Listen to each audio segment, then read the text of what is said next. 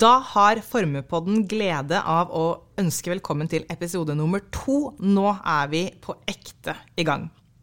For 14 dager siden snakket vi om hvordan Ukraina-krisen hadde påvirket finansmarkedene, hvilke økonomiske konsekvenser krisen kunne få, og ikke minst hvordan man bør forholde seg til kriser som langsiktig investor. I dagens episode skal vi snakke om eh, hva som har skjedd siden forrige episode i finansmarkedene og i økonomien. Og vi skal se på hvorfor vi fortsatt bør forberede oss på utfordrende markeder.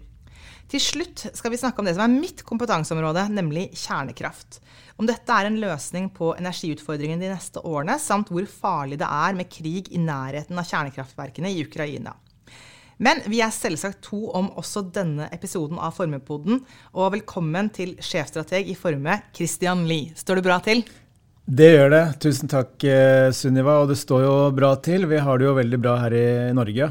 Men jeg tror jo også, selv om krigen nå har vart eh, noen uker, så blir vi fortsatt veldig påvirket av det vi ser og, og leser. Og vi må jo bare håpe at det kommer en, en snarlig løsning som på mange måter, eller på alle måter, virker mer og mer meningsløs og unødvendig jo lenger den varer, egentlig.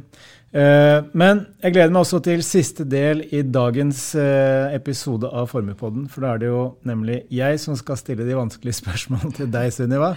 Det, det, er jeg veldig, veldig, spent på også, se hva du skal grille meg om. Eh, men først så starter vi med ditt område.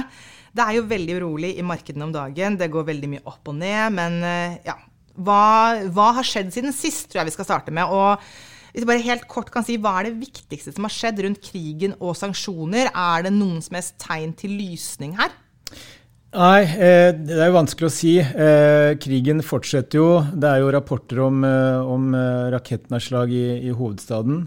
Eh, det er eh, lyspunkter knyttet til forhandlinger hvor begge parter har liksom eh, gitt uttrykk for at det er en viss form for fremgang, men så langt ingen konkrete løsninger. Det som også har vært kanskje litt skremmende, er jo at russerne har gått ut og truet Vesten med å angripe transporten av våpen til Ukraina.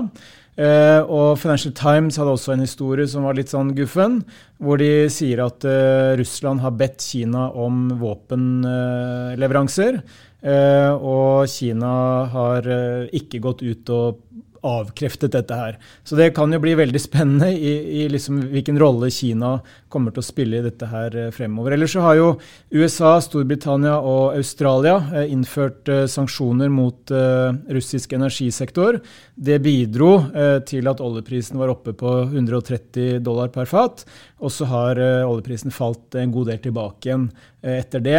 Det er litt sånn delte meninger om hvorfor, men kanskje den viktigste årsaken til at oljeprisen har falt så mye ned, det er nok den covid-oppblussingen som man ser i Kina. Ja som er verdens største oljeimportør. Og når de da i tillegg fortsatt har store problemer i, eh, i sin eiendomssektor, eh, man har denne covid-oppblussingen, og pga. nulltoleransepolitikk eh, overfor covid I Kina, så, i Kina ja. så har de også stengt ned hele Shenzhen-området, ja. som er en viktig, sånn, et område for teknologi, eh, om, altså produksjon av komponenter osv. Og, så og hvor det også er et viktig havneområde. Så dette kan jo både svekke kinesisk økonomi direkte, men også eh, forlenge disse globale eh, forsyningskjedeproblemene når, når, store havner i Kina eh, stenger ned. Ja, men Chipkrise og sånne ting? Er det med, altså, disse forsyningsproblemene, eller? Ja. ja, med disse forsyningsproblemene så mener jeg jo egentlig mye av det som oppsto under pandemien. Ja. At det ble ekstreme forsinkelser i, i vareflyten Alt, ja. okay. mm. rundt omkring i verden. Ikke bare i Kina, men også i USA og Europa, og, og også i, i Norge. Eh, det som også har skjedd eh, knyttet til, eh, til sanksjoner, det er disse kalde uoffisielle sanksjonene, hvor det nærmest har vært en sånn global, unison fordømmelse i næringslivet av det som skjer, og hvor over 300 internasjonale selskaper med tilstedeværelse i Russland nå har trukket seg ut. Og Da har russerne på sin side sagt at vi kommer til å nasjonalisere de verdiene som det er igjen etter disse selskapene. Altså Superkort. altså Når 300 selskaper trekker seg ut av Russland, det må jo få helt enorme konsekvenser for Russland altså på lang sikt. Det må jo ja. ja altså Ordet resesjon det er jo noe vi normalt forbinder med en økonomisk krise. Mm. Eh, men Russland, hvis dette fortsetter, så er vel depresjon eh, noe som er mer nærliggende. Eh, og det, det, er jo snakk om, når russerne nå snakker om å, å nasjonalisere liksom, eh, masse verdier og utenlandske aktive osv., så, videre, så er man jo litt på vei tilbake til en slags planøkonomi ja. i Russland. Så det, det dette blir veldig, veldig skremmende og, og spennende å følge fremover. Ja, så, og hva har skjedd i finansmarkedene siden sist, hvis vi skal gå tilbake på denne oppsummeringen på de to siste ukene? Ja, eh, Det er fortsatt veldig store forskjeller, men, men liksom, man kan heller ikke si at det er noe utpreget eh, panikkstemning. Det har gått litt eh, ned, og så har det gått litt eh, opp igjen. Men hvis vi ser på globale aksjer de siste 14 dagene, da, hvis vi tar de to ukene, så er globale aksjer ned rundt 5 i, i lokal valuta. Mens eh, Oslo Børs er omtrent eh, uendret. Det er også den svenske børsen, faktisk, som jo har hatt en ganske tøff start på året.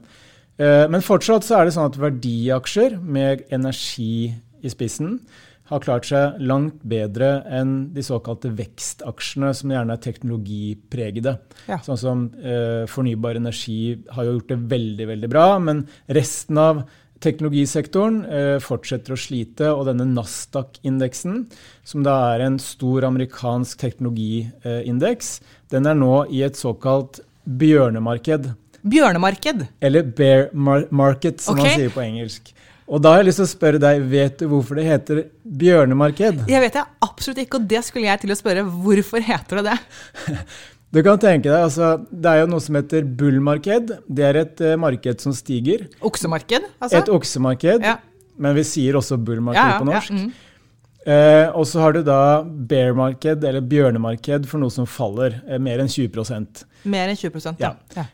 Men hvis du kan tenke deg, hvis du, hvis du, går i skogen, og så møter du Bamse Brakar, og han kliner til med labben, hvor havner du da? Det er et eh, heftig slag. Da faller jeg i bakken og kommer antakeligvis ikke opp igjen. Ja, helt riktig. Du kommer nedover. Du, du ja. faller ned, ikke sant? Ja. Og det er én forklaring på hvorfor det kalles et bear market. Ja. Men hvis du da står i en tyrefekterarena, mm. og oksen kommer mot deg og stanger deg med horna, hvor havner du da? Opp. Oppover.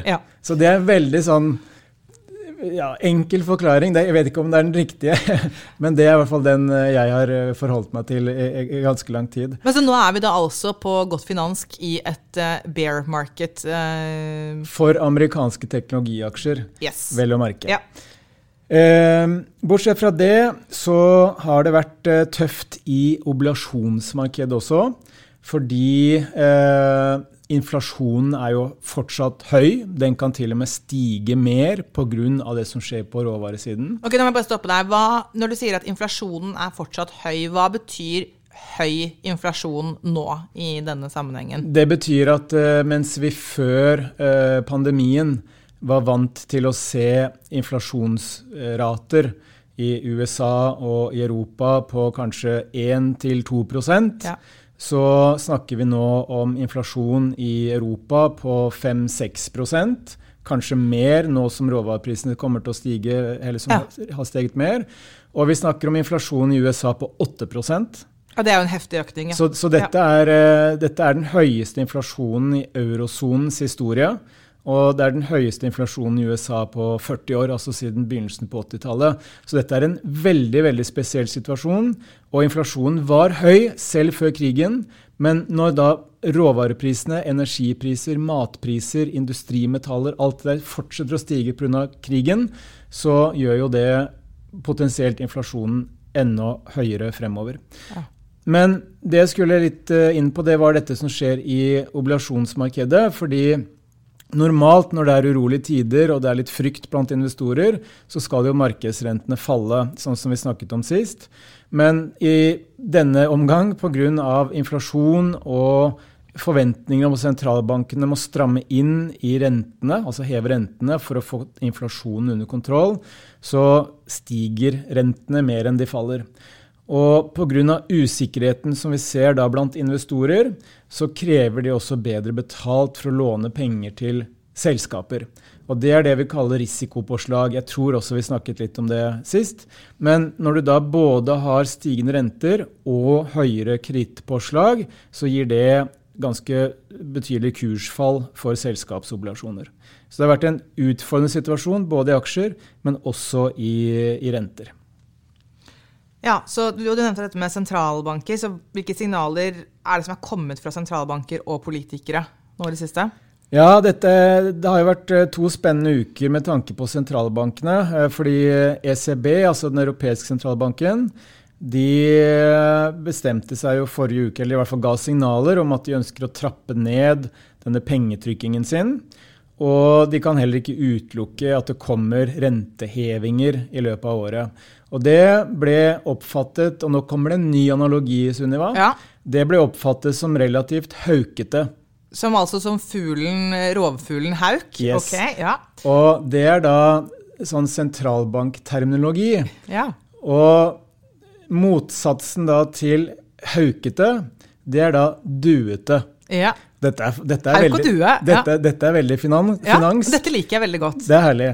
Men eh, hvis man er Eh, haukete, altså hvor er det hauken flyr? Den flyr høyt, og så ser den ned eh, på, på, bakken. Ja, Så du kan si at hvis sentralbanken er haukete, mm. så betyr det at de er eh, optimistiske, eller ikke, det var feil ord, men de er litt sånn aggressive ja. i sin tilnærming til hvordan de skal styre pengepolitikken. Eh, og det betyr at de da har en tilbøyelighet til å stramme inn. Ja.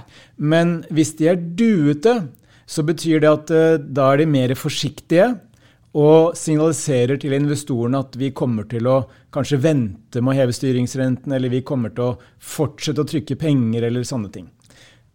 Jeg elsker dette med haukete og duete og bear og det, ja, det liker jeg så, veldig godt. Så ECB ble oppfattet som litt haukete, mm -hmm. litt aggressive i retorikken sin, til tross for den usikkerheten som er knyttet til uh, krigen råvarepriser og hvordan det vil påvirke uh, europeisk økonomi. Denne uken her, uh, rettere sagt i, i, på onsdag denne uken her, så vil Fed, altså den amerikanske sentralbanken, ha sitt rentemøte. Og da er det også høye forventninger til at de vil heve styringsrenten sin. Eh, og at de vil signalisere at de kommer til å heve flere ganger utover i året. Og markedene priser nå inn at eh, den amerikanske sentralbanken vil heve styringsrenten sju ganger i løpet av året. Og det er faktisk den høyeste forventningen blant markedsaktører til hva Fed kommer til å gjøre egentlig gjennom denne syklusen. Hvilken syklus? Eh, den, eh, den eh, økonomiske syklusen. Fordi vi har vært gjennom en pandemi ikke ja. sant? hvor Fed har kuttet renten og startet pengetrykking og gjort masse for å få økonomien i gang. Men nå har økonomien virkelig kommet ordentlig i gang, spesielt ja. i USA. Og da er de inne i en fase, når inflasjonen også er veldig høy, hvor de kommer til å begynne å reversere de tiltakene. Dvs. Si at de kommer til å heve styringsrentene trappe ned pengetrykkingen, og etter hvert også begynne å og Her kommer det også en slags analogi. Eh, slanke sin balanse. Ok. Fordi, og dette skal jeg prøve å forklare, for dette er liksom viktig å ha med seg. Vi vet at når den amerikanske sentralbanken trykker masse penger, så bruker de de pengene de trykker, til å indirekte kjøpe statsobligasjoner som bidrar til at kursene på statsobligasjonene går opp, og markedsrentene eh, trekker nedover. Men når sentralbankene da kjøper disse obligasjonene, så betyr det at de tar disse verdipapirene inn på sin balanse.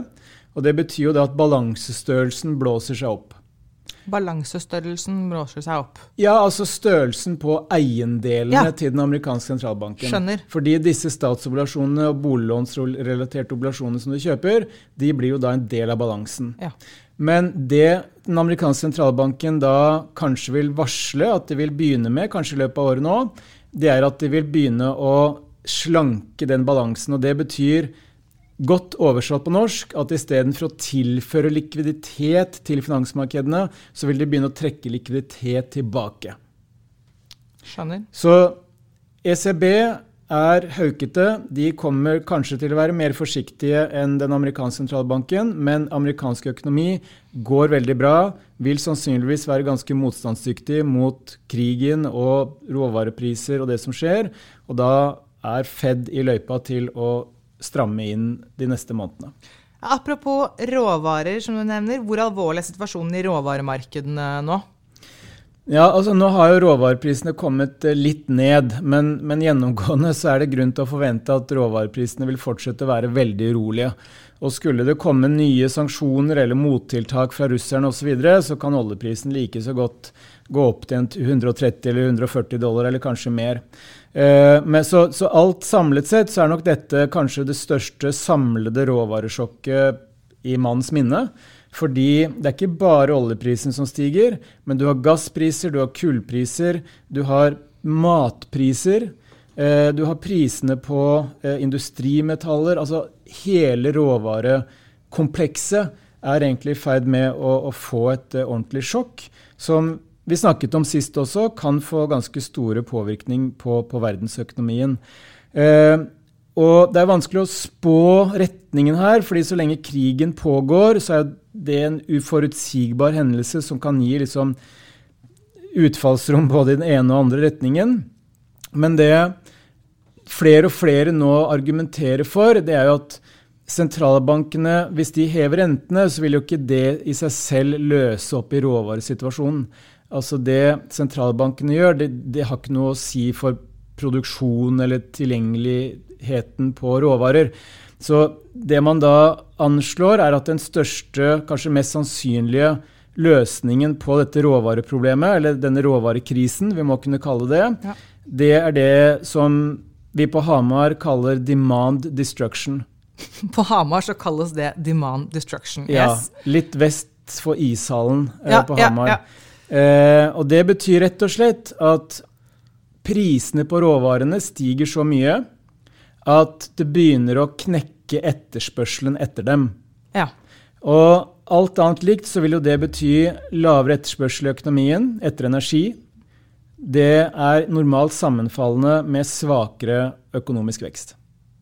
Og det er noe av det finansmarkedene nå begynner å prise inn, både gjennom fallende aksjekurser, stigende risikopåslag i oblasjonsmarkedet. Altså, er det noe Siste spørsmål her da på denne, hva har skjedd siden sist? Er det noen signaler om hva dette kan bety for verdensøkonomien? Ja, eh, og her er det veldig delte meninger. Og grunnen til at det er veldig delte meninger, det er jo at ingen klarer å spå hvordan krigen kommer til å ende, hvor lenge den kommer til å vare, og hvilke konsekvenser det vil få f.eks. For, for råvareprisene og det finansielle systemet, for så vidt. Men det vi ser allerede, er at analytikerne er i ferd med å nedjustere vekstanslagene sine for spesielt europeisk økonomi, men generelt for global økonomi. Og mens vi før krigen hadde en forventning om, eller analytikerne hadde en forventning om 4,3% BNP-vekst i verden i år, som ville vært veldig, veldig bra. Mm. Så har den forventningen nå falt til 4 ja. Men det er flere store banker, altså f.eks. Goldman Sachs og Bank of America osv., som tror veksten kan bli enda lavere enn det. Hva da? Nei, eh, Goldman Sachs for eksempel, de forventer 3,4 eh, BNP-vekst. Ja. Og det, hvis det blir riktig, da, så er det helt på normalnivå. Ja. Hvis vi ser liksom 30-40 år tilbake. Eh, men det de fleste sier, det er at risikoen her det er jo at ting kan bli heller dårligere enn forventa, enn at det skal bli bedre enn forventa. Fordi dette kan få eh, ganske store ringvirkninger eh, dersom prisene fortsetter å holde seg så høye, og spesielt hvis sentralbanken også tvinges til å stramme kraftig, kraftig inn. Eh, når det gjelder oljesiden, så er det jo ting som kan gå i feil retning. F.eks.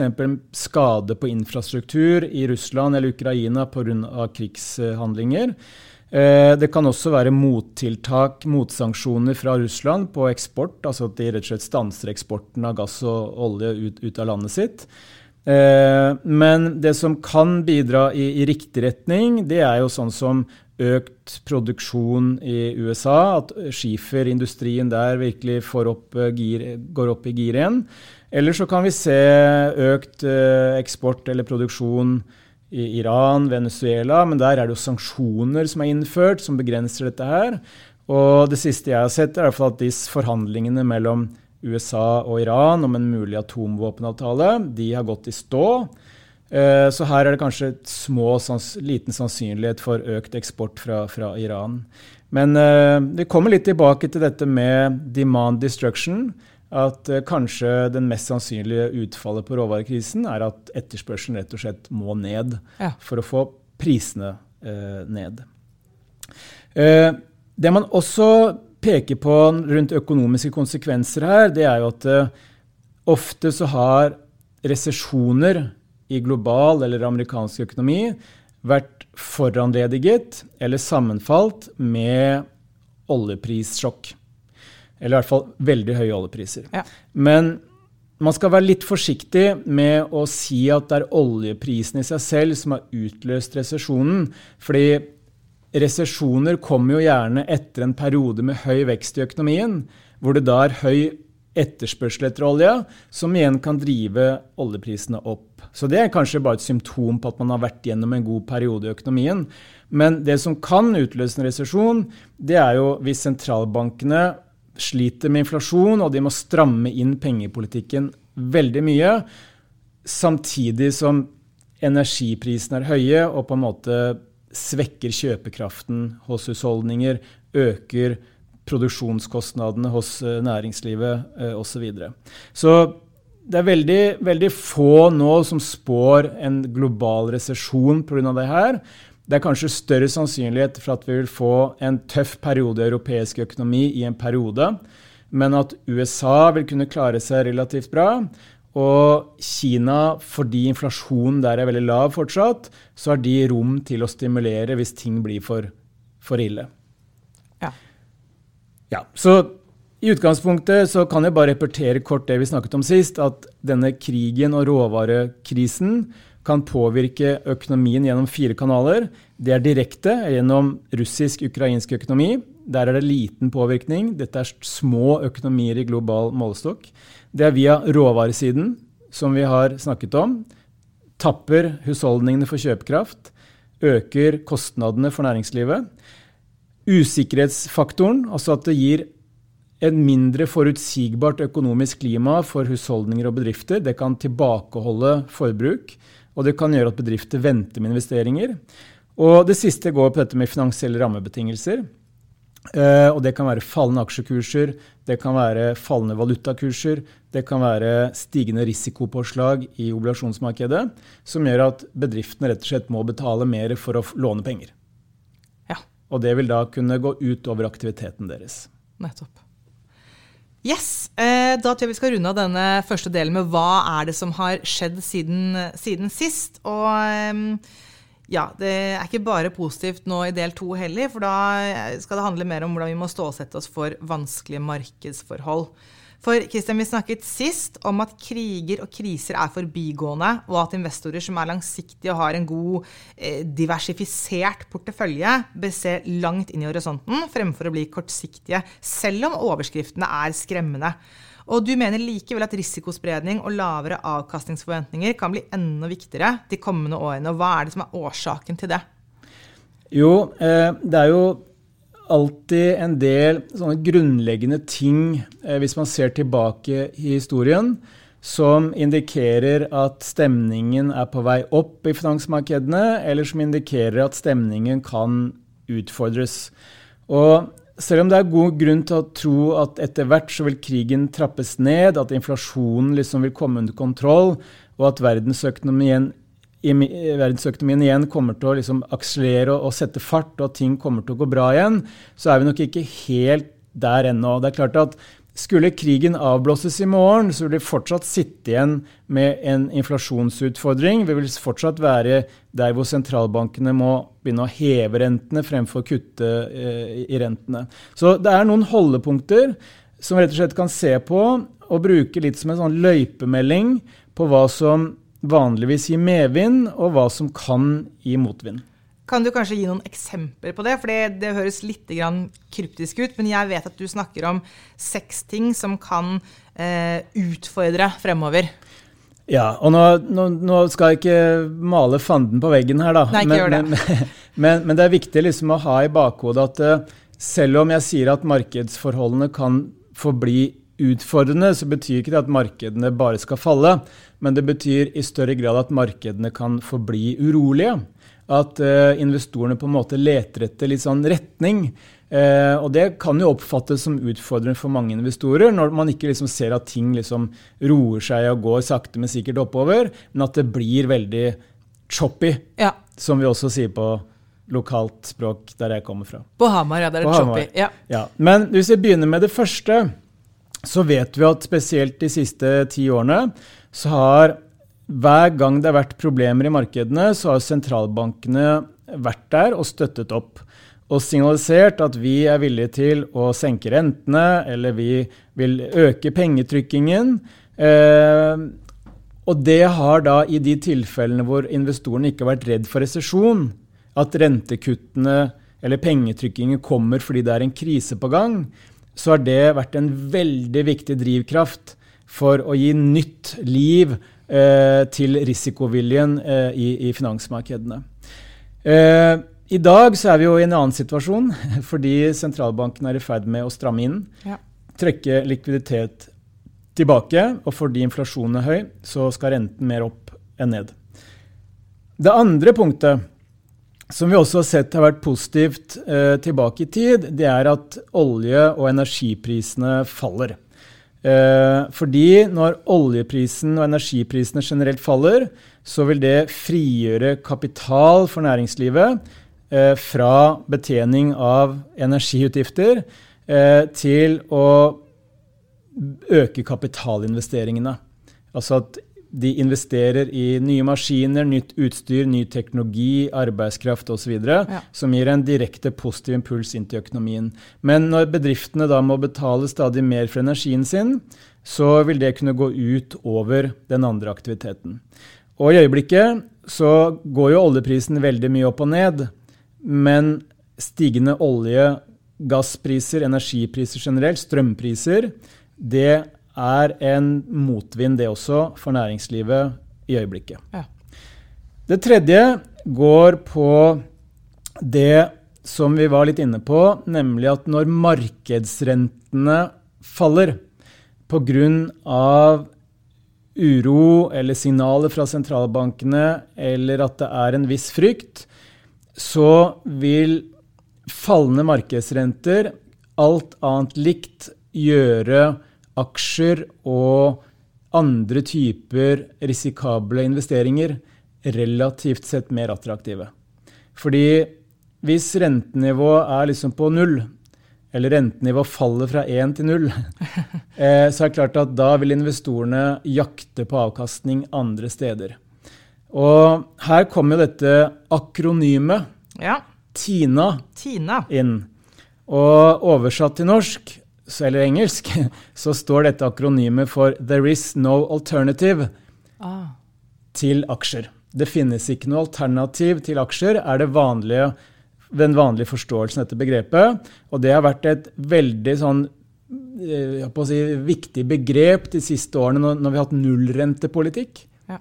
For da har ikke investorene egentlig hatt noe alternativ til å plassere penger i aksjer eller andre typer investeringer, fordi rentenivået har vært så ekstremt uh, lavt. Men i den situasjonen vi har i dag, da, så holder jo rentene seg høye. I USA så har jo eh, markedsrentene trukket opp igjen fordi sentralbanken ventes å heve styringsrentene fremover. Og Det gjør jo at uh, Tina utfordres. Ja. Fordi nå kan man få 2-3% avkastning på trygg, relativt trygge oblasjoner i USA. Og det kunne man ikke bare for noen kvartaler siden. Og Det kan da være en utfordring, for da vil noen tenke at ok, hvis jeg kan få 3% der, så er det ikke så kult å ha alle pengene mine i aksjer. Da vil jeg kanskje ta litt av aksjepengene og flytte over til oblasjoner igjen. Ja, nettopp. Eh, det fjerde det går på dette med prising. Fordi noe av det som har utløst store oppgangsperioder tilbake i tid, det er jo hvis man har hatt en ordentlig krasj i finansmarkedene, slik at prisingen har blitt veldig, veldig lav. Og i enkelte situasjoner så har prisingen vært så lav at selv om den økonomiske situasjonen fortsatt har vært dårlig, så har mange investorer tenkt at dette er nå blitt så billig at det kan ikke gå gærent. Ja. Og hvis jeg da har fem eller ti års tidshorisont og kjøper på veldig billige nivåer, så tør man liksom å ta den ekstra risikoen, selv om økonomien eller usikkerheten fortsatt er stor. fordi jo billigere du kjøper verdipapirer, desto større er jo egentlig avkastningspotensialet ja. over tid. Eh, men det som har skjedd nå, da, det er jo at prisingen har kommet en god del ned. Spesielt for europeiske aksjer. Men er liksom, vi, vi, er ikke der at det er grisebillig. Nei. Eh, og spesielt i en situasjon hvor det er usikkerhet rundt hvordan økonomien kommer til å gå, så blir det også usikkerhet rundt hvordan selskapsinntjeningen kommer til å utvikle seg. Og selskapsinntjeningen er også en veldig viktig komponent når man ser på er aksjer dyre eller billige. Fordi hvis det forventes at inntjeningen skal ned, mm. da vil man normalt ikke være villig til å betale så mye for aksjene som om man tror inntjeningen skal mye opp. Ja, Det er helt logisk. Ja, ja. det er bra. Den femte, det går på dette med Jeg var litt inne på det, så det kunne kanskje vært slått inn i punkt én. Men det vi kaller, eller det som på finansk har blitt kalt en såkalt Fed-putt. Fed-putt. Det illustrerer det som på finansk kalles en put-opsjon eller en salgsopsjon. Og nå blir dette veldig teknisk, ja. så jeg skal forklare på norsk. Og det betyr rett og slett at de gangene det har vært trøbbel i finansmarkedene, så har sentralbankene, spesielt den amerikanske, trådt til og sagt at vi skal redde dere. Det var Fed. som du det var sa. Fed. Ja. Men som jeg var litt inne på på punkt 1, pga. inflasjon og stramme arbeidsmarkeder, så har de nå ikke muligheten til det. Nei. Så den, det sikkerhetsnettet som sentralbankene har bidratt med før, det kommer ikke til å være der i samme omfang nå. Og det kan bidra til at markedene blir mer urolige fremover. Eh, det siste punktet det går også på dette med etter historiske kriser så har veldig mange selskaper, børsnoterte selskaper og private selskaper, de har hatt veldig lave fortjenestemarginer. Eh, det har vært dårlige tider. Kost, kostnadene har kanskje økt mer enn inntektene. Eh, men i dag så har vi, spesielt i USA, rekordhøye fortjenestemarginer. Og når vi da får økte råvarepriser, lønnsveksten er på vei opp, så vil det kunne tære på fortjenestemarginene til selskapene. Og historisk så har de beste periodene startet når fortjenestemarginene er lave. Ah. Ikke når fortjenestemarginene allerede er rekordhøye. Nettopp. For da er det jo større sannsynlighet for at energipriser, matpriser, lønnsvekst skal begynne å tære på fortjenestemarginene. Fordi ja. det øker kostnadene. Ja. Kanskje mer enn selskapene klarer å løfte omsetningen eh, sin. Så i et sånn globalt perspektiv så er det ingen tvil om at eh, det vil kunne være utfordringer, men det vil også kunne være store regionale forskjeller. Fordi ser vi på råvarepriser generelt, matpriser spesielt, så vil jo det ramme spesielt en del fremvoksende økonomier, utviklingsøkonomier. Men også i vestlige land så kan stigende utgifter på energi, mat, utløse sosial misnøye. Mm. Uroligheter, protester mot politikerne som da settes under press til å løse en i utgangspunktet veldig vanskelig situasjon. Og Vi skal ikke lenger tilbake enn til 2011. Da hadde vi den arabiske våren med store opptøyer i, i, i Midtøsten og i arabiske land. Stemmer. Og det var bl.a. utløst av uh, høye matpriser. Så ja. høy geopolitisk spenning har vi.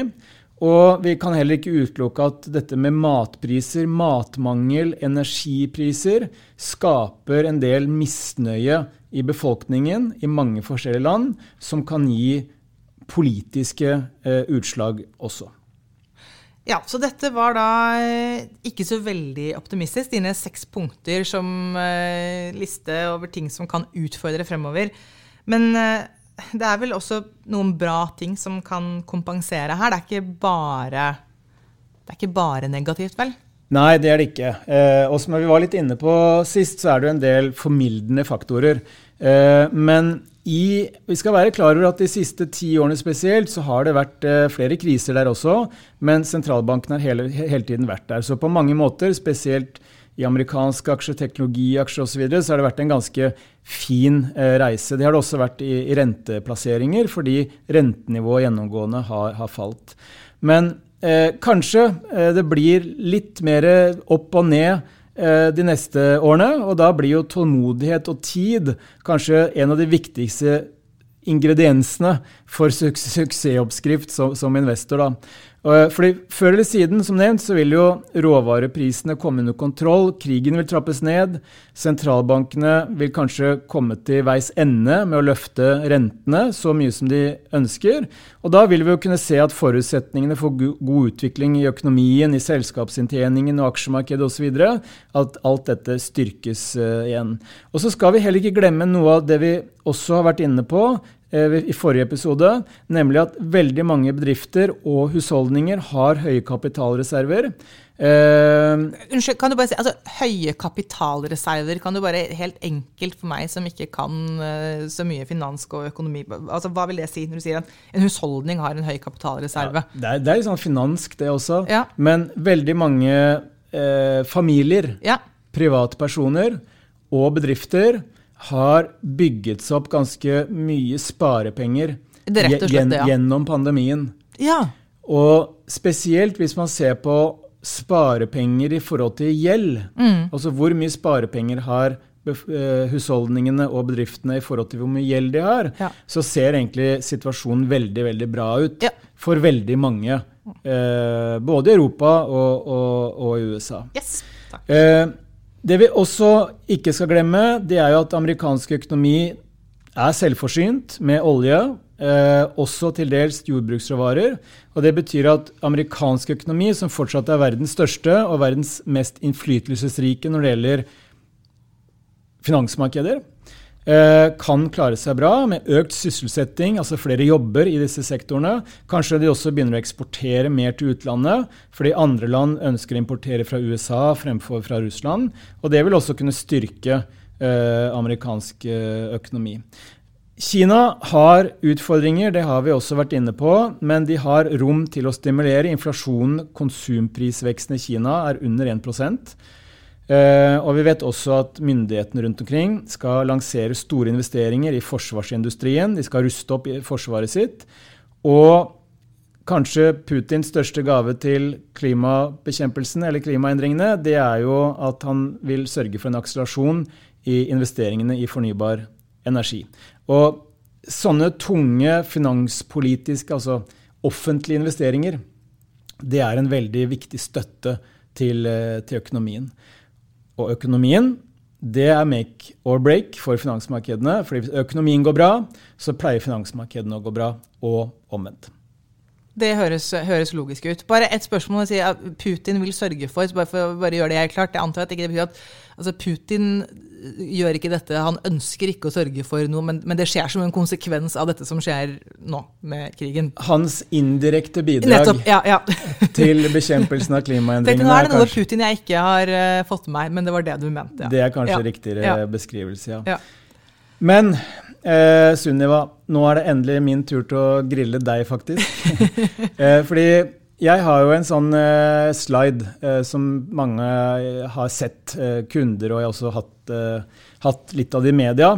og det er denne bra ting, utfordringer og joker-sliden. Og en av de jokerne som jeg har hatt på min liste ganske lenge, også før krigen, det er jo at vi kan få en potensiell energiskvis de neste årene som følge av underinvesteringer i fossile energikilder og for lav investeringstakt og utbredelse av fornybare energikilder. Og Da møter jo jeg også veldig mange kundemøter og sammenhenger at uh, det er veldig mye interesse og oppmerksomhet knyttet til dette med kjernekraft. Ja. Og det virker også som om det er veldig mange ulike meninger og oppfatninger om dette er bra eller dårlig. Men hvis vi begynner med de positive sidene ved kjernekraft som energikilde, kan du si litt om det? Ja, altså det er jo For det første så er det den største kilden vi har til eh, utslippsfri energi, altså som slipper, altså ikke produserer CO2. Så det er kjernekraft sammen med de fornybare kildene.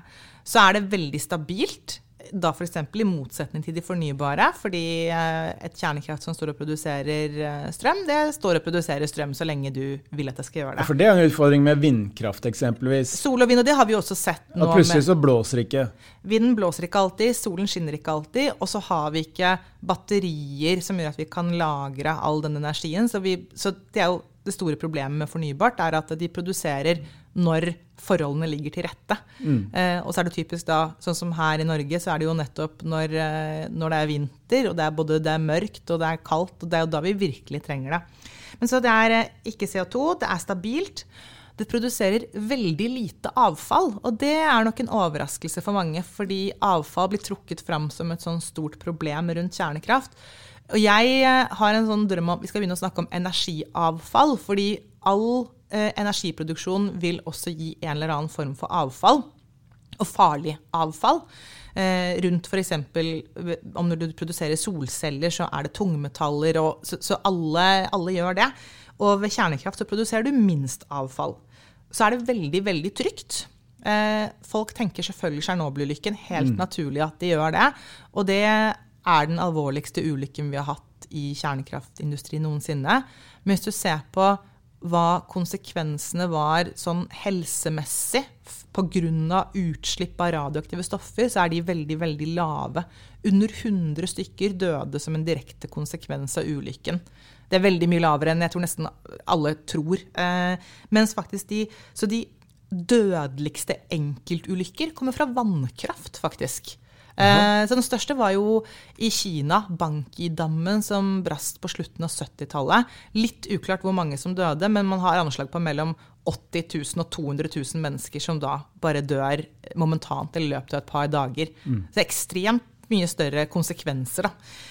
Eh, ja, og så, er det det som eh, Altså bruker det veldig lite brensel. Eh, og lite bruk av type av sjeldne metaller og, og, og sånne ting. Og så tar det, i motsetning til da det fornybare, bruker det veldig lite areal. Det er også en utfordring med det fornybare, at de tar stor plass. Eh, og vindmøller er jo noe vi har begynt å se Vi har begynt å få et inntrykk av her i Norge nå også, at de går inn i uberørt natur. Mm.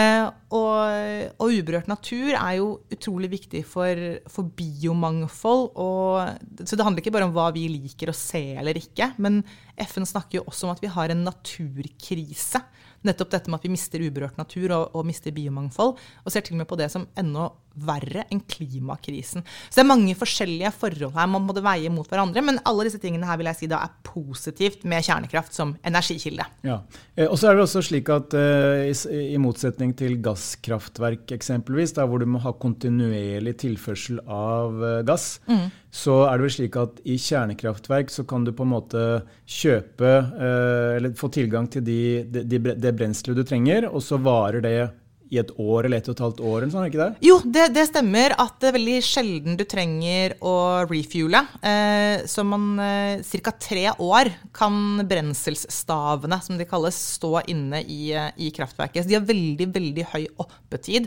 Og det er også viktig fordi at de produserer så innmari mye energi på en gang. Så det å bare ha bitte litt nedetid koster jo kjempemye.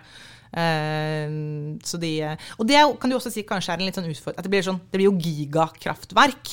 Uh, så de kan jo sånn sett være da mindre uh, Altså, ja, det, er ett stort kraftverk som står og produserer. Det er ikke så fleksibelt, kan du si.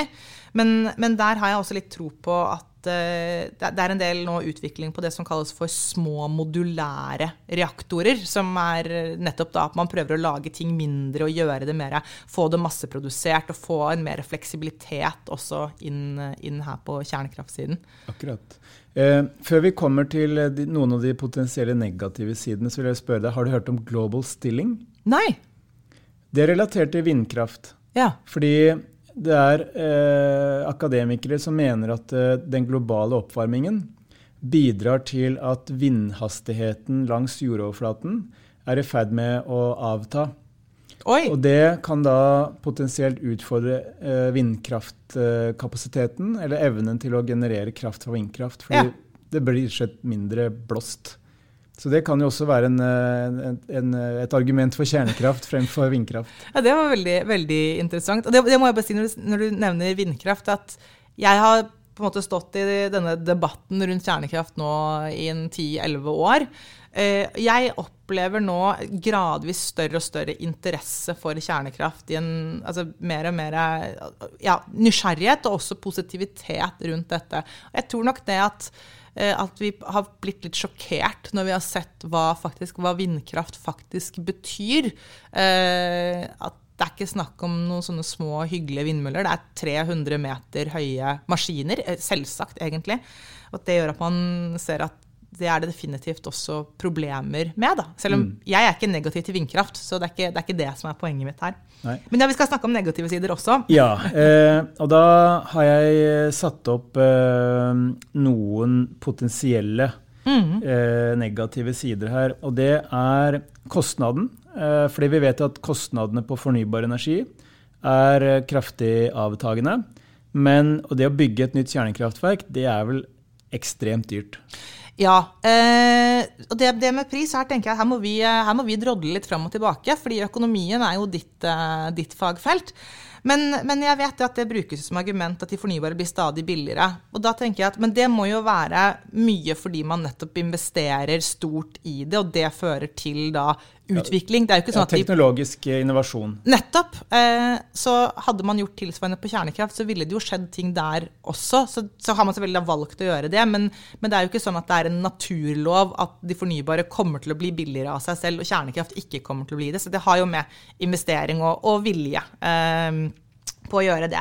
Men så er det også sånn at som du sier, at ja, det koster mye å bygge et kraftverk. Eh, så den der engangsinvesteringen den er vel ingen som er så stor som for kjernekraftverket. Men så er de veldig billige i drift, nettopp fordi at eh, brenselet, det som jo faktisk genererer eh, kraften, er en veldig, veldig liten andel av den totale prisen. Men det er helt klart at eh, du, må ha, du må ha stater eller tilsvar, altså store, store aktører for å kunne bygge et kjernekraftverk. Men så varer det jo lenge, gjerne 60 år eller mer. Så, så som sagt, når de først er i gang, så er de billige. Og det ser ut til, når du ser på da totalt en livsløpsanalyse på de forskjellige energiformene, så er altså kjernekraft konkurransedyktig på pris, faktisk. Over, jeg- ti- over tid. over, ja. over tid, absolutt. Og jeg syns det er interessant å se på et land som Frankrike, for de bestemte seg på 70-tallet for at de skulle ikke være avhengig av noen, og gikk hardt inn for kjernekraft, og har vel sted mellom 70 og 80% av energien sin produsert selv med kjernekraft. Og de har generelt eh, stabile, lave strømpriser, eh, og, og klarer seg veldig, veldig fint med, med det. Men så bare én ting er at ofte så blir man så er det en litt sånn, u, altså litt sånn falsk sammenligning. Man ser på en måte på worst case-eksemplene fra kjernekraft. De, liksom de som har blitt de dyreste, som har overskredet altså alt. Og så sammenligner man det med et slags best case på solceller, f.eks. Og det blir, jo, det blir jo feil på alle, alle mulige måter. Da. Men også dette med å få disse eh, masseproduserte små modulære reaktorene eh, kan nok gjøre noe også på å få eh, at det ikke alt blir sånn enorme investeringer som det er nå. Men nå har vi jo en, en energikrise i verden i dag eh, som kjernekraft ikke er løsningen på. fordi det tar jo veldig lang tid å bygge et kjernekraftverk. Ja, det, det er også litt sånn myte på et vis. fordi det, det er ikke sånn at det tar 15-20 år å faktisk bygge kraftverket. Men hvis du skal legge inn veldig veldig lang behandlingstid, og, måte, og det skal være byråkrati, og det skal være byråkrati, og så skal du kanskje trenere det, og så skal du liksom legge inn alle disse tingene, det er klart, da vil det ta 20 år. Men det tar ikke 20 år å bygge kraftverket. Og det, jeg mener det er Korea som, eh, som gjorde en satsing på å ha bygget kraftverk på altså fire år. er mer den tiden det tar eh, å bygge. Um, så Akkurat. Det Ja. er jo litt mer eh, levelig. ja. Eh, det tredje går på dette med at kjernekraft er veldig upopulært. Altså, det er veldig mange i befolkningen som ikke liker det. Det er politikere som ikke liker det. Og se f.eks. For på forskjellen mellom Frankrike og Tyskland på kjernekraft. Kan, kan dette være liksom en, en, utfordring eh, og en, en, negativ ting ved kjernekraft? Da, at det er så upopulært hos mange? Jeg vil si at public opinion er den største utfordringen mot, uh, mot, kjernekraft. Og Tyskland er et godt eksempel på det. fordi det er jo et demokrati. Folket vil ikke ha det. Da vil jo ikke politikerne ha det heller. De representerer jo folket. For de vil gjerne beholde jobben sin. Ja, og, og, og det er litt sånn uh, et spørsmål jeg ofte får. ja, men hvis hvis det er så positivt, hvorfor velger da, hvorfor velger politikerne å gjøre, legge det ned i Tyskland f.eks.? Og det er en slags misforståelse å tro at politikere de, de agerer jo ikke i et vakuum. De, de, representerer jo folket. Det er jo ikke sånn at man nødvendigvis gjør da det du på en måte kan regne deg fram til å sette to streker under svaret som, som, det riktige. De gjør jo det som er riktig i forhold til hva folket vil. da. Og så kan det jo være at eh, det er lettere å være motstander mot kjernekraft når energiprisene er lave og energikostnadene dine selv er lave. Det tror jeg er veldig mye lettere. Det er noe med det når man kjenner ting selv på kroppen. og det tror jeg også det, Jeg opplever en endring på det også nå hvor vi er så mange som har kjent på det, hvordan det faktisk påvirker oss, at det, det påvirker lommeboka. Mm. Og det Den snakker, liksom.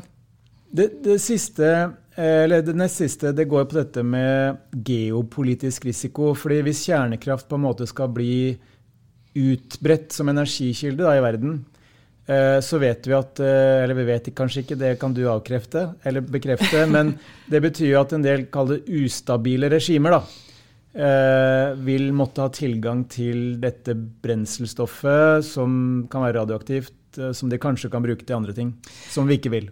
Eh, ja, og det er selvfølgelig definitivt noe man må, må ha i, i, bakhodet. Men nå er det også Det er veldig, veldig strengt regelverk rundt altså, dette med, med, kjernekraft. Sånn at um, for å, måte, for å, få lov til å gjøre dette her, så, så må du måtte bli med på det som kalles for ikkespredningsavtalen, med, som, og ikke skal spre eh, kjernefysiske våpen eller, eller, mulighet for å lage det. Eh, og, og, den type plutonium eller uran som man kan bruke som brensel i kjernekraftverk, det kan ikke bare automatisk brukes som våpen. Det, det er ikke sånn at brensel i kjernekraftverk like gjerne kunne vært brukt til å lage atomvåpen av, fordi det har å gjøre med eh, mengden og, og, graden av anrikning, altså hvor mye av dette eh, spaltbare materialet er det man har i brenselet. Men, men selvfølgelig, det er, eh, det er definitivt noe man må, må ha med i, i, bakhodet.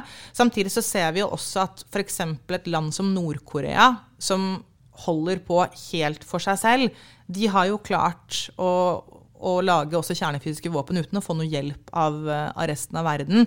Sånn at eh, jeg tror det er litt sånn Den kunnskapen og teknologien, den fins i verden, og vi, vi, stopper ikke den ved å si at nei, dette vil vi ikke ha lenger. Um, så det er litt sånn Sånn er det på et vis, og da er det bedre å forholde seg til det sånn som det er, tror jeg. Ja.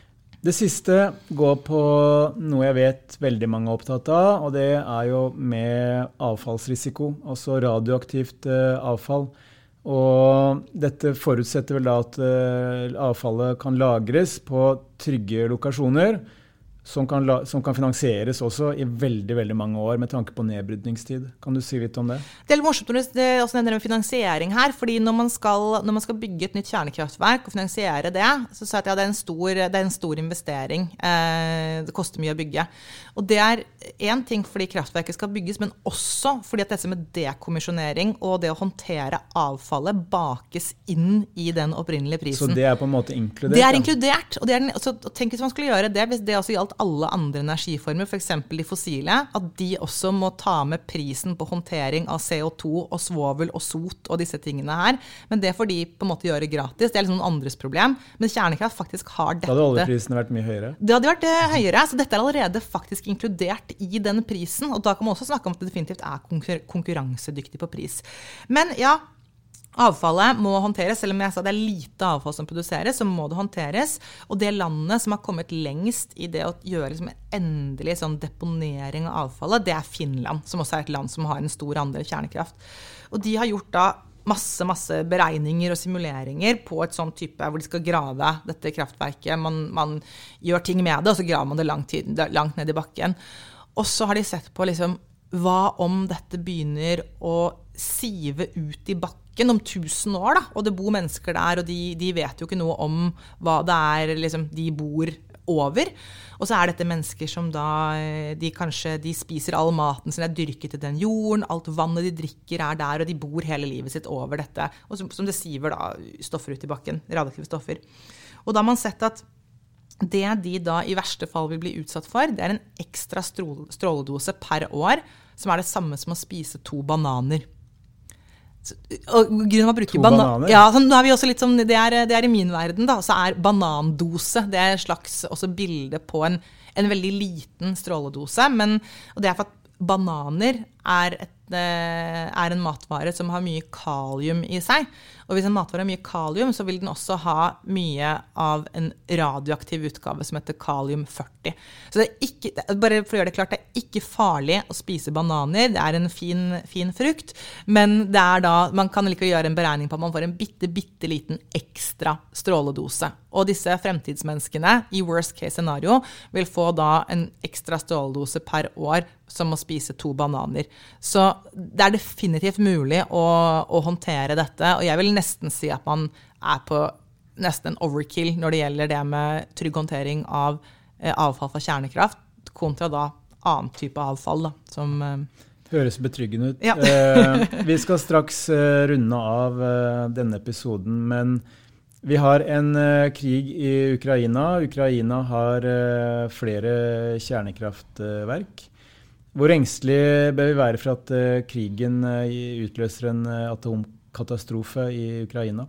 Jeg skal ikke snakke masse om dette, men jeg vil si at vi skal være lite engstelige for, for det. det er, jeg ser det som ekstremt lite sannsynlig. bare for å gjøre det klart. De, de kjernekraftverkene som spesielt dette, jeg husker ikke navnet, men det store kraftverket som det har vært kamper rundt, det er ikke samme type reaktor som Tsjernobyl. Eh, det er en helt annen type reaktor. Det er en, det er en veldig sikker reaktor.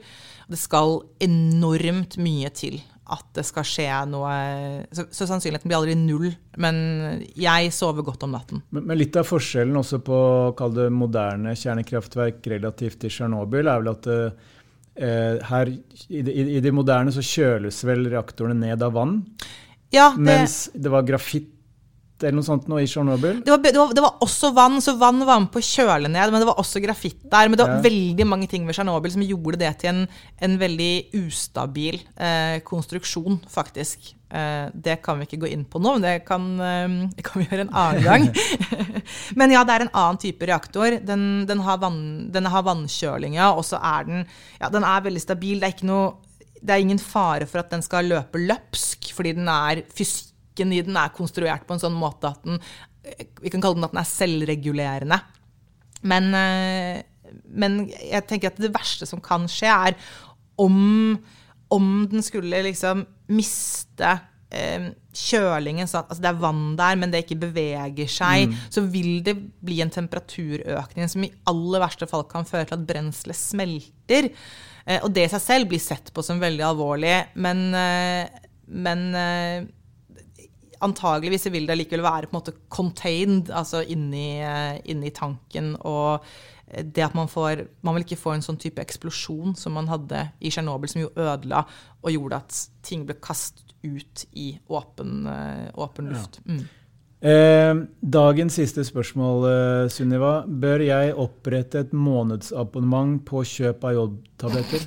Nei, det syns jeg ikke du skal gjøre. fordi eh, det, men, men, men altså Myndigheter anbefaler jo at man skal ha jodtabletter til barn og, og voksne under eller inntil 40. Eh, men da er det kun én tablett per person. Så, um, Men vil det hjelpe? Altså Hvis man får en uh, atomkrig eller atomkatastrofe? Det hjelper ikke mot atomkrig, fordi hvis det er atomvåpen det er snakk om, så er det noe helt, helt annet. Og da er det selve de enorme eksplosjonene som er farlige. Men uh, hvis, hvis, hvis det skulle skje et utslipp av radioaktive stoffer fra et kraftverk, så vil, eh, så vil det i verste fall kunne komme noen av de stoffene bli ført med vinden hit. Og da kan jodtabletter beskytte oss mot ett av de stoffene. Altså Jodtabletter kan beskytte oss mot radioaktivt jod. Eh, det er ikke en generell beskyttelse mot, mot stråling. Men, eh, men, det anbefales å ha det. Eh, og det er jo kanskje noe med det også at da føler man at det er kanskje én ting man kan gjøre for å forberede seg på noe som er negativt. Altså psykologisk så er det noe med at ok, i en, i en, vanskelig verden, hvis det er noe du kan gjøre som på en måte er en anbefaling, så ja, så kan man jo gjerne gjøre det. Veldig bra, Sunniva. Tusen takk for at uh, jeg fikk lov til å grille deg rundt uh, kjernekraft. Takk for at jeg fikk snakke om kjernekraft også i, her i Formepodden. Da er vi ferdig med episode to. Vi er tilbake om 14 eh, dager. Takk for at du hørte på.